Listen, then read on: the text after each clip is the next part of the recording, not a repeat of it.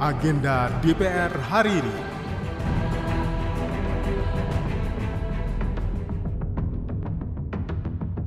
Halo, apa kabar? Kembali lagi di Agenda Kerja Wakil Rakyat hari ini, Rabu 1 November 2023, bersama saya Tiara Mustika.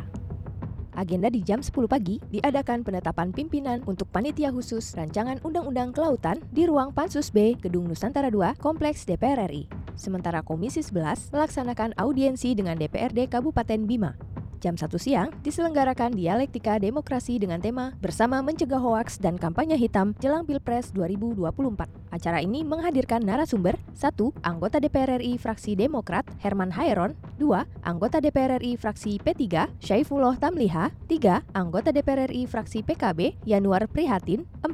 Sekretariat Jenderal Partai Gelora Mahfuz Sidik 5. Pengamat politik Ujang Komarudin Acara ini diadakan di ruang Media Center Nusantara 3 dan disiarkan secara live di channel YouTube TPR Parlemen.